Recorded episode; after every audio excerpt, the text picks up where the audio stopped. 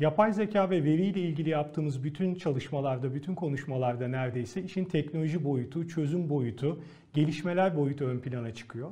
Ancak bizim de Harvard Business Review olarak sık sık makalelerimizde belirttiğimiz gibi bu iş aslında e, kültür boyutu, insan boyutu ve uygulama boyutuyla da çok önemli. Hatta en önemli boyutun kültür ve insan olduğunu söyleyebiliriz. Bugün konuklarımız arasında bu işin insan boyutuna, kültür boyutuna ve yapay zekanın verinin ön plana çıktığı dünyadaki yetkinlik boyutuna çok ciddi kafa yoran, sadece kafa yormakla kalmayıp bu konuda çok ciddi veri temelli araştırmalar yapan çok değerli bir uzman bizimle birlikte olacak. Ben şimdi e, Evrim Kur'an'ı davet etmek istiyorum. Evrim Kur'an, Dinamo Consulting kurucu ortaklarından, aynı zamanda Üniversum Türkiye ve Orta Doğu bölgesinin direktörü. Sevgili Evrim, hoş geldin. Merhaba. Merhaba, sahne senin.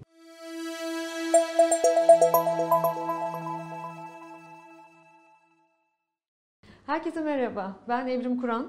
Bir demografi araştırmacısıyım. Yani hayatı dataya bakarak yorumlamayı, davranışları dataya bakarak yorumlamayı seviyorum. Ama uzun yıllardır, belki de son 20 yıldır dijital çağa geçişimizle beraber hep neyin değişeceğini, ne kadar e, fütüristik bir dünyada kalmamız gerektiğini konuşurken ben bir yandan neyin değişmeyeceğini de anlamak ve neyin değişmeyeceğini de datayla ifade etmek istiyorum. Bu yüzden sizi geçmişe, bundan yaklaşık 20 yıl öncesine, 18 yıl öncesine götürmek istiyorum. 21. yüzyılın başlangıcında, 2002 yılında İngiltere'de, Londra'da dünyanın muteber danışmanlık şirketlerinin muteber uzmanları bir araya geldiler ve bugünleri öngörmeye çalıştılar. Şu soru etrafında toplandılar. Gelecekte iş dünyasının en önemli meselesi ne olacak? Eğer yaşınız bana yakınsa veya benden e, daha deneyimli, daha ileri bir kuşaktaysanız 2002 yılında uğraştığımız meseleleri, iş dünyasının, finansal hayatımızın, küresel dünyanın dertlerini hatırlıyorsunuzdur belki. Ama bakalım o gün o toplantıda 2020'leri nasıl öngörmüş bu danışmanlık şirketleri? Birinci derdimiz küreselleşme olacak demişler. Küreselleşme sadece finansal veya işle ilgili kaygıların ötesinde bugün fiziksel olarak hayatta kalmak, yaşamda kalmakla ilgili gündemimizin birinci sırasında. Organizasyonel sınırlar belirsizleşecek. Yani geleneksel organizasyonlar örgütsel sistemlerini, görev tanımlarını yeniden gözden geçirmek zorunda kalacak dediler. İşveren çalışan ilişkileri üzerinde çalışmak durumunda olduğumuz, yeni formüller geliştirmek zorunda olduğumuz bir meydan okuyuş dedi bu uzmanlar.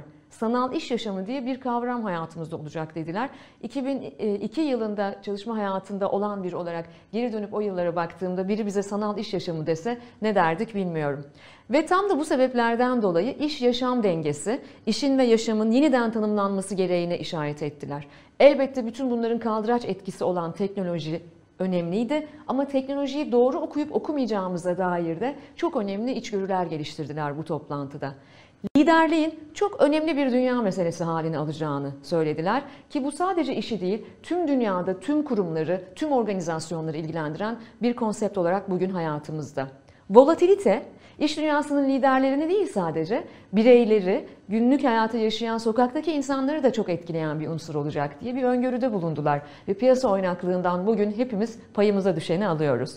İşe olan yaklaşım değişecek dediler bu uzmanlar. Yani iş bir yer olmaktan çıkacak ve bir kafa yapısı halini alacak. En nihayetinde benim derin çalışma alanım, uzmanlık alanım olan bir konudan bahsettiler iş yaşamında önümüzdeki 10 yıllarda, 20 yıllarda birbirinden farklı kuşaklar olacak ve biz bambaşka segmentlerin hem iç müşteri olarak dertlerini anlamayı ve sorunlarını çözmeyi ve hayatlarını kolaylaştırmayı öğrenmeliyiz hem de dış müşteri olarak. İşte tam olarak benim hayata bakış açımda bu demografik değişiklikler. Demografik değişimi Bugün dünyada ola gelen demografik devrimi sadece teknolojiyle ve dijital değişimlerle tanımlayabilmek ne kadar kolay bilmiyorum. Örneğin 1825 yılından beri çalışan kelimesini kullanıyoruz.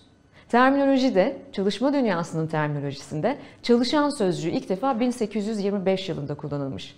Bugüne baktığımızda 2020 yılında dünyamız pek de dijital, oldukça yüksek teknolojik e, oyuncakların ve aygıtların kullanıldığı bir platform belki ama biz 2020'de hala çalışan sözcüğünü kullanmaya devam ediyoruz ve çalışanların e, hayatlarını ve çalışma biçimlerini regüle etmeye çalışıyoruz. 21. yüzyılın iş dünyasında hala 18. 19. yüzyıldan kalma alışkanlıklarla davranmaya ne kadar devam edebiliriz bilmiyorum. Ama bu konuda ısrarlı olursak, davranışsal okuyuşları iyi yapamazsak sanırım bunun da bedelini ödeyebiliriz. Çok sevdiğim bir yazar, araştırmacı James Kenton e, bir süre önce bir kitap yazdı, Future Smart ve şirketleri ikiye ayırdı. Gelecek uyumlu olan şirketler ve gelecek engelli olan şirketler diye. James Kenton'a göre gelecek engelli şirketlerin en belirgin özelliği şu. Gelecek engelli şirketlerde çalışanlar var. Yani işe bakış çalışan kafasından doğru gidiyor. Ve bu şirketlerde uyum kültürü var. Gelecek uyumlu şirketlerde yani gelecekte ayakta kalacağı öngörülen şirketlerde ise çalışanlar yok, girişimciler, iç girişimciler var. Ve bu şirketlerde inovasyon kültürü var. Yani hata yapmaya izin veriliyor. Girişimciler, iç girişimciler hata da yaparlar ve hatalarından öğrenirler çünkü. İşte bizim ancak bu formatta konvansiyonel modellere meydan okumamız sanırım mümkün olacak. Ayakta kalmak, hayatta kalmak, gelecek engelli, gelecek uyumlu olmak demişken e, Şirketlerin, kurumların uzun ömürlüğü de bireylerin uzun ömürlüğü kadar, insanların yaşam ömrü kadar, e, süresi kadar beni ilgilendiriyor. Bu sebeple de kurumsal uzun ömürlük konusundaki araştırmaları yakından takip ediyorum. S&P 500 şirketlerin ortalama ömrüyle ilgili analizleri sizinle paylaşmak isterim. Ve 1958'e giderek e, belki nereden nereye geldiğimizi kurumsal uzun ömürlük açısından görebiliriz. Sevgili izleyiciler, insan ömrü uzuyor ama kurumların ömrü insan ömrünün uzamasının tam tersi kısalıyor. Mesela 1958 yılında bir şirketin ortalama ömrü 61 yıl. 2010 yılına geldiğimizde bir kurumun ortalama ömrü 18 yıla iniyor. Yani 18 yıl ayakta kalabildiğini görüyoruz ortalama şirketin. Bu konuda önümüzdeki yıllardaki öngörü 2027 için öngörü ise 10 yıl. Ortalama şirket 10 yıl ayakta kalabilecek. Bunların S&P 500 şirketleri olduğunu, yani aslında ayakta kalabilmek için her türlü finansal kaynağa sahip olabilecek şirketleri olduğunu hatırlatmak isterim. Peki ne oluyor da bu kadar kuvvetli kaynaklara sahip şirketler bugün sadece ortalama 10 yıl ayakta kalabilme riskiyle karşı karşıya? Neyi yanlış okuyoruz? Bunca dijital ve olağanüstü teknolojik dünyamızda acaba ezbere baktığımız unsurlar olabilir mi? Bu soru S&P 500 şirketlerinin CEO'larına InnoSight tarafından soruluyor. Değişime cevap verememenizin önündeki en büyük engel nedir diye. CEO'ların %40'ı günübirlik kararların stratejimizi baltalaması diye cevap veriyorlar.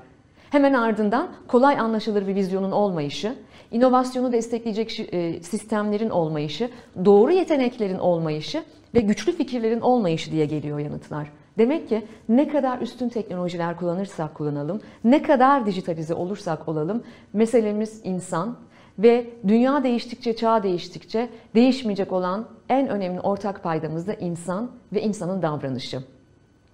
Benim bu geçtiğimiz süreye, bu yaşadığımız evrene baktığımda gördüğüm, bir araştırmacı olarak gördüğüm en önemli devrim demografik devrim. İnsan ömrü uzuyor, şirket ömrü kısalıyor, davranışların ömrü ne oluyor, nereden nereye ve nasıl aktarıyoruz kuşaklar geçişinde bunu çok önemsiyorum. Demografik devrim çok iddialı gelebilir size ama gelin e, istatistiklerle, rakamlarla aslında bunun nasıl bir devrim olduğunu bir kez de birlikte görelim. 1950 yılında dünyanın demografik yapısı piramit demografik yapı. Nüfus 2,5 milyar, ortalama yaş 35 ve pek fazla da kuşak bir arada yaşamıyor. Dolayısıyla iş yaşamına ve iş etiğine bakarsanız 35 yaşından sonra insanlar emeklilik planlarını yapıyorlar ve ikinci hayatlarına hazırlanıyorlar. Gelin biraz daha geleceğe gidelim. 2080 yılı. Nereye sığacağız bilmiyorum ve dünyanın kaynaklarını bu kadar hunharca eritmeye ne kadar devam edeceğiz hiç bilmiyorum. Ama dünya 10 milyar ve piramit demografik yapı gökdelen demografik yapıya doğru evriliyor. Gökdelen demografik yapı şu demek. Farklı kuşaklardan, segmentlerden bireyler farklı ortamlarda bir arada yaşamanın, bir arada kalmanın bir çaresini bulmak durumundalar. Kurumlar, markalar, organizasyonlarda farklı kuşaklardan farklı beklentilere sahip insanlara yanıt vermenin çaresini bulmak durumunda. Ortalama yaş 50 ve 50'den sonra yeni nesil bir iş modeli, yepyeni bir kariyer planlaması, yeni bir hayata ve işe bakış ve tüm bunların ardında yeni bir iş etiği e, gündeme alınmak durumunda kalacak. İşte ben buna demografik devrim diyorum. Ve bugün 2020'de 7,5 milyarı geçmiş dünyamızda gövdesi kubbeleşmiş, yani en az 4 kuşağın, 4 farklı zamanın ruhunu yaşamış kuşağın birlikte yaşadığı ve çalıştığı bir dünyadayız. Gitgide hayatımızdaki farklı dönemlerde yaşamış insanların ortalamaları, sayıları da artıyor. Yani gökdelenleşmeye doğru gidiyor dünya. Bunu yönetmek durumundayız. Bunu yönetmek için en önemli belirleyici eskiden emekliliğe, çalışma hayatına, kariyere bakış, insana bakışla bugün olması gereken arasındaki farkı kavramak. 20-40 yaşa kariyerin ilk dönemi, 40-60 yaşında kariyerin orta dönemi diyorsak eski günlerde aralarda hep terfileri hazırlıklar görüyorduk. Bugün belki de jargonumuzda sadece çalışan sözcüğünü değil, terfi sözcüğünü de gözden geçirmemiz gerekiyor. Bugünün dünyasında kariyerin ilk döneminin 20-35 yaş arasına denk geldiğini düşünebiliriz. 35-50 yaşa kariyerin orta dönemi diyebiliriz ve aralardaki köprülerde anlamlı geçişler sağlamak durumundayız. İnsan ömrünün bu denli uzadığı bir çağda 75 yaş üzerinde emeklilik fırsatına sahip olunacağını düşünüyorum ve aslında 50-75 yaşın kariyerin aktarılma dönemi olduğunu düşünüyorum. Yani bu şu demek, Dijital aparatları iyi kullanamıyorlar ve dijital okur yazarlıkları yok diye yaşlanan nüfusu gözden geç, göz, e, görmezden gelemeyiz ve mutlaka kurumsal dünyada ve iş yaşantısında onların deneyimlerini yeni kuşaklara aktarmanın hem de dijital araçlarla aktarmanın da yollarını bulmamız gerekiyor. İnsan ömrü uzuyor, deneyimleri aktarmamızın gerekliliği de daha fazla artıyor. Türkiye'nin demografik yapısına bakıldığında 83 milyonluk ortalama yaşı 32 olan ülkemizde bugün artık e, hayatımızda yepyeni bir kuşak daha var. Türkiye 6 kuşaklı bir ülke olmanın adımını attı. Birbirinden farklı dönemleri, farklı mücadele alanlarını yaşayan bu kuşaklar bugün bir arada birlikte aynı evde, aynı ofiste, aynı süpermarkette veya aynı dijital ekranın karşısında sizin ürünlerinizi, hizmetlerinizi kullanıyor ve kullanacak olabilirler. Türkiye 50 milyondan fazla 40 yaş altı bireye sahip çok genç bir ülke. Coğrafyanın en genç ülkelerinden biri. Ama Türkiye gençlerinin gerçekleri büyük meydan okuyuşlarla birlikte geliyor. Ve bu bize dünya ile ilgili de bir fotoğraf veriyor.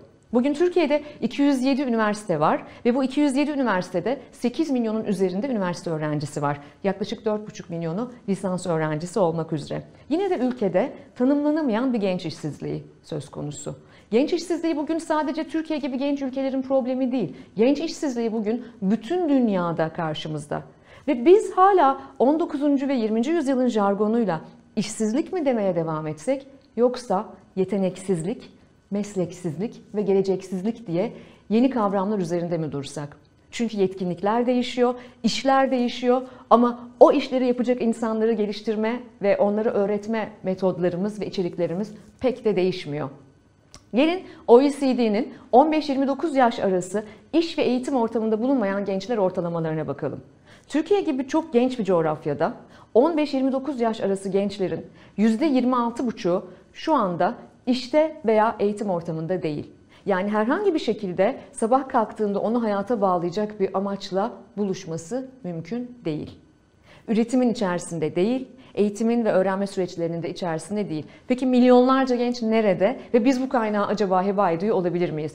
Ve teknoloji işte ortak paydamız olan bu insanı yaklaşım, çözümleme ve hayatını kolaylaştırma anlamında ne işe yarıyor? Bu soruları artık kendimize liderler olarak, bireyler olarak, kurumlar olarak ve icat çıkaranlar olarak sormak durumundayız. Gençler çok büyük bir potansiyel ve biz bu potansiyeli nereye kadar kullanabiliyoruz? Teknoloji olağanüstü bir araç ama teknolojiyi insan için kullanıyor muyuz? Cevabını bekleyen sorular bunlar. Türkiye'de üniversite mezunu genç işsizliği Cumhuriyet tarihinin rekor seviyelerine ulaştı ve 1 milyon 100 bine erişti. Peki o halde okullar 21. yüzyıl kurumlarının ihtiyacı olan yetkinliklerde bireyleri yetiştirmekte yaya mı kalıyor? Yoksa üniversite çok mu genç, geç yetkinlik gelişiminde? Yoksa yetkinlik aileden okul öncesine, okul öncesinden ilk öğretime ve ardından üniversite veya yüksek öğrenime ulaşması gereken bir süreç mi? Yanıtlarını bekleyen sorular bunlar. Küresel yetenek kıtlığı bugün dünyanın çok önemli bir problemi. Olağanüstü teknolojik araçlarımız ve platformlarımız olsa da yetenek kıt. Sadece Türkiye'de değil dünyada da. En güncel araştırmalara göre Manpower'ın 2018'de gerçekleştirdiği e, yetenek kıtlığı araştırmasına göre dünya genelinde şu anda şirketler aradıkları çalışanlara, aradıkları insan kaynağına erişimde zorlanıyorlar. 2018 sonu itibariyle yetenek kıtlığı ortalaması küresel olarak %45'ti. %45 çok ciddi bir oran. Peki Türkiye bunca genç nüfusu ve yüzlerce üniversitesi ve binlerce milyonlarca üniversite mezunu olmasına rağmen yetenek kıtlığı istatistiklerinin neresinde? Bakalım birinci sırada hangi ülke var? Japonya %89 ile, Romanya %81 ile, Tayvan %78 ile, Hong Kong %76 ile, Bulgaristan %68 ile dünya yetenek kıtlığı pazarının ilk 5 ülkesini e, oluşturuyorlar. Yani yeteneklere erişim, yetkinliklere erişim bu ülkelerde oldukça sıkıntılı. Türkiye %66'lık bir oranla dünya yetenek kıtlığı pazarında 6. sırada ve bu oranlarımız gitgide yükseliyor. İnsanlar, rakamlar, istatistikler e, hepsini bir araya getirmenin, buluşturmanın ve çözümler yaratmanın tam da vakti. Teknolojiyi insan için kullanmanın tam da vakti. Diplomaların ötesinde çözümlere erişmemiz gereken zamanlardayız. Dünyanın sorunlarını ancak böyle çözebileceğiz. İş dünyasının bakışı nasıl diye ele alacak olursak, geçtiğimiz dönemlerde e, hem C seviyede tepe yöneticilere hem insan kaynakları liderlerine sorulan geleceğin iş gücünü ve bugünkü iş gücü trendlerini nasıl değerlendiriyorsunuz sorusuna verilen önemli bir yanıt var. Hem iş dünyasının liderleri ve insan yönetimi dünyasının liderleri bir araya geldiklerinde kritik becerilerin olmayışını en önemli problem olarak gündeme getiriyorlar. Diğer bir mücadele alanı meydan okuyuş, çalışanların dijital deneyiminin yetersizliği olduğu söyleniyor kurumlarda. Bir başka konumuz otomasyon ve yapay zeka. Otomasyon ve yapay zeka hayatımıza girdikçe iş gücünde biz zorlanıyoruz diyor iş dünyasının liderleri. Bir de üzerine yaşlanan iş gücü ekleniyor deniyor. Benim de araştırmalarımın önemli bir ölçeğini oluşturan Z jenerasyonu bugün iş dünyasında yüksek seviyede olmasa da kaygı olmaya başlamış bile. Hemen ardından giderek çeşitlenen yetenek havuzu yani birbirine çok benzemeyen insanların bir araya gelmek durumunda olması kadın yeteneklerle ilgili gelişmesi gereken, çözülmesi gereken mevzular ve en son sırada gig ekonomisi geliyor. Araştırmaya ben katılsaydım ve bu anketi ben yanıtlıyor olsaydım kuvvetle muhtemel gig ekonomisini birinci sıraya alacaktım. Gig ekonomisini çok ciddi almamız gereken freelancerları, proje bazlı çalışanları, bordrolu çalışanları değil de proje bazlı iş üretenleri, işte bu ekonomik modeli yeni jenerasyonun bu yeni ekonomik ve yeni iş yapma modeline mutlaka çok detaylı çalışmamız ve üzerinde düşünmemiz gerekiyor. Kurumlar bunca teknolojik yatırımlarına rağmen gig ekonomisine ne kadar hazırlar? Yanıtlamamız gereken sorulardan bir tanesi de bu. Ee, biliyorsunuz biz sıklıkla Türkiye'de PISA sonuçlarını değerlendiririz. Yani 14 yaş grubu matematik gibi sayısal derslerde nasıl e, performans gösterdiler, sözel derslerde kendilerini nasıl ifade edebilirler buna bakarız. Tüm bu OECD araştırmaları içerisinde PISA kadar en az beni çok ilgilendiren bir araştırmamız daha var. O da PAYEK. PAYEK ise yetişkin yetkinlikleri araştırması. En son OECD'nin gerçekleştirdiği yetişkin yetkinlikleri araştırmasında teknoloji zengin ortamda problem çözme yetkinliğinde Türkiye ne yazık ki OECD ülkeleri arasında %8 ile son sırada geldi. Bizler gençlik gençliğimizden ve çocukluğumuzdan itibaren ne kadar yüksek teknolojik aletleri kullanırsak kullanalım Teknoloji zengin ortamlarda problem çözme ile ilgili hala çok önemli gelişim alanlarımız var. Yani asıl olan insanın davranışı. Yetkinlikler değişiyor sevgili izleyenler. Yetkinlikler çok hızla değişiyor. Ee, Dünya Ekonomik Forumu'nun 2020 yetkinliklerini ilan ettiği, açıkladığı 4-5 sene önceki toplantısına gittiğimizde bize şunu söylemişlerdi. Karmaşık problem çözümü, eleştirel düşünce, yaratıcılık en önemli, en temel yetkinlikler halini alacak. İşte 2020'deyiz. Her gün karmaşık problemleri çözmek için yeni bir güne daha uyanıyoruz. En çok ve en zor bulunan, en e, sık kullanmamız gereken ve en zor bulunan yetkinliklere baktığımızda da bir tesadüf e, yok. Yaratıcılık, liderlik, problem çözme, uyum sağlayabilme hala en zor bulunan yetkinlikler içerisinde. Yani belki de dijital okur yazarlığı tek başına e, yönetmemiz ve tek başına dijital okur yazarlığı sağlamamız çözüm değil. Bizim aynı zamanda sosyal ve duygusal okur yazarlığı, insanı okuma ve insan davranışını anlama sanatını da her çalışan seviyesinde göstermemiz gerekiyor. Şirketlerin 2020'de en çok ihtiyacı olacak yetkinliklere baktığımızda ise yine ilk sırada yaratıcılık, işbirliği, ikna kabiliyeti gibi sosyal ve duygusal zekamızı kullanmamız gereken yetkinlikler en başta geliyor. O halde robotlar gelecekler ve işlerimizi elimizden alacaklar mı sorusunu belki de bu perspektifle bir kez daha değerlendirmeliyiz. McKinsey'nin yetkinliklerle ilgili yaptığı çok kıymetli bir analizi paylaşmak istiyorum. 2030 yılında yani önümüzdeki 10 yıllık dönemde hangi günlük işimize yüzde kaç daha fazla veya daha az zaman ayıracağımızla ilgili yapılan bir araştırma bu. Fiziksel ve manuel yetkinlikleri yüzde 14 daha az kullanacağız bundan 10 yıl sonra. Gün içerisinde yaptığınız fiziksel işleri, el e, e, kabiliyetiyle yaptığınız işleri bir düşünün. Temel bilişsel yetkinlikleri %15 daha az kullanacağız 10 yıl sonra. Yani bir bilgisayara data girmek gibi temel bilişsel yetkinlikler aklınıza gelsin. Yüksek bilişsel yetkinlikleri %8 daha fazla kullanacağız. Örneğin hayal kurma, yaratıcılık bunlar yüksek bilişsel yetkinlikler. Ama sosyal ve duygusal yetkinlikleri %24 daha fazla kullanmak durumunda kalacağız. İnsanı anlama, empati kurma ve insanların problemlerini çözme ve hayatını kolaylaştırmaya istekli olma çok önemli sosyal ve duygusal yetkinlikler içerisinde. Sanırım henüz robotların yapamayacağı şey bu olabilir. Ve elbette teknolojik yetkinlikleri %55 daha fazla kullanıyor olacağız. Bundan birkaç kuşak önce dünyaya gelmiş bir birey olarak yüksek teknolojik yetkinliklerle ilgili kendime yatırım yapmamla ilgili en önemli işareti buradan alıyorum. O halde ne yapacağız? Hangi yaşta olursak olalım birlikte çalıştığımız ve birlikte ürettiğimiz insanların yeniden beceri kazanabilen, yeniden öğretilebilen ve eskiden öğrendiklerini unutma kabiliyeti olan insanlardan seçmeye dikkat edeceğiz. Artık işe alım ve ekiplerimize yeni insan katılımı ve kazanımı konusunda diplomaların en işe yaramadığı dönemde olduğumuzu düşünüyorum bilişsel esnekliği ölçecek metodlara, bilişsel esnekliği hissedecek öngörüye ihtiyacımız var. Yapay zeka 2030 yılında tüm dünyada 800 milyon çalışanın işini elinden alacak. Bence bir an evvel alsın ve hiç anlam yaratmayan bu standart dümdüz işlerden kurtulalım ve yaratıcılığımızı, yaratıcı zekamızı daha fazla kullanabilelim. Bu 800 milyon insanın insandan biri biz mi olacağız? Bizim sevdiklerimiz, ailelerimiz, çalışanlarımız mı olacak? Bunun en önemli sorusu, bu sorunun en önemli cevabını sanırım şu şekilde verebiliriz. Yeniden beceri kazanabilme esnekliğine sahip insanlar bu 800 milyonun içinde olmayacaklar. O halde yaşam boyu öğrenci olmak, yaşam boyu öğrenmek, ve hem analog dünyada hem dijital dünyadaki yetkinlikleri geliştirmek ve bir araya getirmek son derece önemli olacak. Çok sevdiğim Tom Goodwin'in içinde yaşadığımız bu sürece verdiği bir isim var. Dijital Darwinizm. Dijital Darwinizm toplum ve teknolojinin bazı şirketlerin adapte olabileceğinden daha hızlı evrilmesi sürecini tanımlıyor. Burada karşımıza çıkan sorun şu.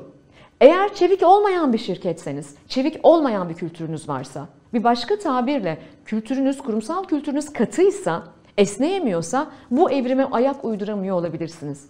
Konuşmamın başında bahsettiğim gibi kurumsal uzun ömürlükle ilgili dert yaşayan şirketler aslında çevik olmayan ve katı kurumsal kültüre sahip şirketler. Bunun sebebi birçok kurumsal kültür ve operasyonel modelin internet öncesi dönemde tasarlanmış olması. Dijital Darwinizmi anlamak için bu sebebi aklımızdan çıkarmamamızda fayda var. Peki çözüm ne? Çözüm cesaret veren liderlik, yaşayan ve yaşatılan değerler yani rezonans, değerlerimizi günlük yaşam deneyimlerine, pratiklerine dahil etmek ve hem başarıyı hem de başarısızlığı kutlamak, hem başarıdan hem de başarısızlıktan öğrenmek. Bir başka tabirle esnek bir kültüre ihtiyacımız var. Geleceğin iş gücüne hazırlıkla ilgili yapılan bir araştırmada sorulduğunda liderlere gelecekteki en önemli konseptimizin ve meselemizin ne olacağı sorulduğunda öğrenme birinci sırada geliyor gördüğünüz gibi. Ve ne yazık ki organizasyonel olarak hazırız diyen şirketler e, bu oranın neredeyse yarısı. İnsan deneyimi, liderlik, mobilite gibi bugün sabahtan akşama defalarca kez üzerinde konuştuğumuz kavramlar gelecekte gelecek iş gücünün en önemli özellikleri olarak karşımıza çıksa da örgütlerin, organizasyonların hazırlık evreleri ortada. Ve sanırım bugünün değişen şartlarında mücadele ettiğimiz küresel dertte bu sonuçları ziyadesiyle deneyimliyoruz ve yaşıyoruz. Peki geleceğin iş gücü için adım atıyor muyuz? Kurumların, Mercer'ın yaptığı bir araştırmaya göre kurumların geleceğin iş gücü için attıkları adımlarda mevcut ve ihtiyaç duyulan yetkinlik boşluğunu analiz etmeleri gibi bir gündemleri var. Gelecek odaklı insan stratejileri geliştirmek gibi bir gündemleri var. Yetkinlikleri yeni teknoloji ve yeni iş ihtiyaçlarına göre karşılamak gibi gündemleri var. Bütün bu gündemlere baktığınız zaman hepimizin geliştirmemiz gereken ve odaklanmamız gereken mevzulardaki ortak paydamız insan. Her şey değişecek, robotlar gelecek, teknoloji iş yapma biçimlerini komple değiştirecek ama insan olma ortak paydamız hep orada kalacak. Orada insanın başına gelenleri, insanın yaşadıklarını kolaylaştırmak, insan için bir kolaylaştırıcı olmak, yaşam için bir kolaylaştırıcı olmak sanırım bütün sektörlerin ortak paydası olmalı. Schumpeter'ın 1942 yılında yaptığı açıklama her zaman yürüdüğüm yolda ve araştırmalarımda bana şiar olmuştur. O bu dönemin yaratıcı yıkım ismiyle tarif edilebilecek bir dönem olduğunu söylüyordu. Yani endüstriyel dönüşüm döneminde ekonomik yapıyı içten değiştiren, eskiyi yok eden ama hiç durmadan yeniyi yaratan devrimsel bir süreçten bahsediyordu. Yıkıma çok odaklanabileceğimiz bir süreçten geçiyoruz. Zorluklara, meydan okuyuşlara, mücadeleye. Hatta psikolojik sermayemizi ziyadesiyle zayıflatabileceğimiz, geleceğe dair daha az umutlu olacağımız, bugün daha az iyimser olabileceğimiz bir dönemden geçiyoruz. Ama teslim olmak ve yılgınlık yok. Çünkü bu hiç durmadan yeniyi yaratan devrimsel bir süreç. Ve mücadele etmek için en önemli silahımız bilişsel esneklik ve mütemadiyen yeniden öğrenme yetkinliği. Eğer böyle olmazsak kurumsal uzun ömürlüğümüz tabii ki dertli bir hale gelecek. Yani biz tıpkı beklentide olduğu gibi kurumlarımızı en fazla 10 yıl ayakta tutabileceğiz kısa gelecekte. Çevikliğe uyumda karşılaşılan zorlukların birinci sırasında çeviklik değerleriyle uyuşmayan organizasyonel kültür geliyor. İstediğiniz kadar en yüksek teknolojili yatırımları yapın, çevikliğe uyuşmayan bir kültür toksik bir kültürdür. Ve kültürü nasıl tanımlarsın derseniz bana şöyle tanımlarım. Bir şeyi nasıl yaptığın, her şeyi nasıl yaptığını anlatır. Organizasyonumuzun herhangi bir alanında, müşterilerimizle olan herhangi bir temas noktasında, stratejik kararları verirken veya teknolojiye yatırım yaparken gösterdiğimiz herhangi bir tavır tüm işe bakışımızı tanımlıyor, tüm örgütsel kültürümüzü anlatıyor. Bir şeyi nasıl yaptığımız, her şeyi nasıl yaptığımızı anlatıyor. İşte tam da bu sebeple dijitalleşmedeki en önemli bariyer kültür ve davranışsal bariyerler. Yani bunları kullanacak ve bunları transfer edecek insanların uyumluluğu, esnekliği ve yeniden öğrenme kabiliyeti. Eğer herhangi bir dönüşüm sürecindeysek, kurumumuzda uğraştığımız, mücadele ettiğimiz çeşitli alanlar varsa ilk yapmamız gereken şey toksik kültürle mücadele etmek toksik kültürlü organizasyonel şemalarda, görünmeyen organizasyonel şemalarda mutlaka bir kişi vardır en az ki yeni fikirleri öldürmekten sorumludur. Yeni fikirleri öldürmekten sorumlu, mütemadiyen hayır diyen, statükoya bağımlı, aman yoldan çıkmayalım, yeni icat çıkarmayalım deme eğilimi olan liderler toksik kültür yangınına en çok odun atanlar. Bu organizasyonel şemanın gelişmesine izin vermeyelim. Bizler Türkiye'de 8 yıldır yaptığımız ve 50-55 üniversite partnerliğiyle yaptığımız genç yeteneklerin ya da yeni mezunların iş yaşamından beklentileri araştırmalarında sıklıkla şu yanıtı duyuyoruz. İdeal şirketi seçerken, ideal sektörü seçerken, ideal organizasyonu seçerken en çok kimlerden etkileniyorsun sorusunu gençlere yönelttiğimiz zaman 22 yaşındaki üniversite öğrencilerinin %59'u o şirketin çalışanları diyor. 28 yaş ortalaması olan genç profesyonellerin %65'i de o şirketin çalışanları yanıtını veriyor. Toksik kültür önemli bir mücadele alanıdır. Ve dilediğiniz kadar teknolojik argümanlarınız olsun, en aşağı seviyeden en yüksek seviyedeki yöneticilerinize kadar her bir çalışanınız iyi bir kültürün, esnek bir kültürün, sağlıklı bir kültürün veya toksik bir kültürün yaygınlaştırıcısıdır. Bugünlerde virütik yayılımları bolca konuşuyoruz. Virüsler aynı zamanda organizasyonlarımızın ve fikirlerimizin ve zihinlerimizin de içinde var ve yaygınlaştırılmasına izin vermememiz ve toksik kültürle mücadele etmemiz gerekiyor. Universum araştırmasının bize verdiği çok önemli bir içgörü var. O da şu. Bizler çalışanlarımızın hayatını kolaylaştırmaya ne kadar uğraşıyoruz ki tavsiye etme skorları her geçen gün ülkemizde biraz daha düşüyor. Bugün müşteri davranışı yani Customer Experience Design veya kullanıcı davranışı yani User Experience Design konularında yapılan trilyonlarca dolarlık yatırımların karşılığında Employee Experience Design yani çalışan davranışı, iç müşteri davranışı tasarımı ve iyileştirmesi alanında yapılan yatırımlar oldukça az. Hatta bin kattan daha az. O zaman kurumların kendilerine sorması gereken temel soru şu. Benim en önemli marka elçim, kültürümün en önemli dayanağı ve yaygınlaştırıcısı eğer çalışanlarımsa ben daha fazla yatırımı, en azından eş seviyede yatırımı oraya yapsam organizasyonum nasıl bir hal alırdı? Çok sevdiğim, birkaç yıl önce kaybettiğimiz, bence dünyanın gelmiş geçmiş en önemli gelecek bilimcisi Alvin Toffler'ı anarak sözlerime son vermek istiyorum. 1980'li yıllarda Alvin Toffler dedi ki 21. yüzyılın cahili okuyup yazamayanlar değil, öğrenemeyen, eskiden öğrendiklerinden gerektiğinde vazgeçemeyen ve yeniden öğrenemeyenler olacaktır. Bu son derece dijital ve pek çok çözülmesi gereken problemin olduğu dünyada 21. yüzyılın cahili olmadığımız bir ömür dileğiyle. Teşekkür ederim. Günümüzün sonuna geldik. Koronavirüs nedeniyle dijital ortama taşıdığımız bu etkinliğimizde aslında yapay zekanın temel dinamiklerinden, teknoloji boyutundan, dünyayı götürdüğü noktadan insan boyutuna, kültür boyutuna, yetkinlik boyutuna bir yolculuk birlikte yürüdük. Umarım hepiniz keyif almışsınızdır. Bu tarz etkinliklerde ve umarım en kısa sürede yüz yüze etkinliklerde tekrar görüşmek, tekrar buluşmak dileğiyle hepinize iyi günler diliyorum. Hoşçakalın efendim.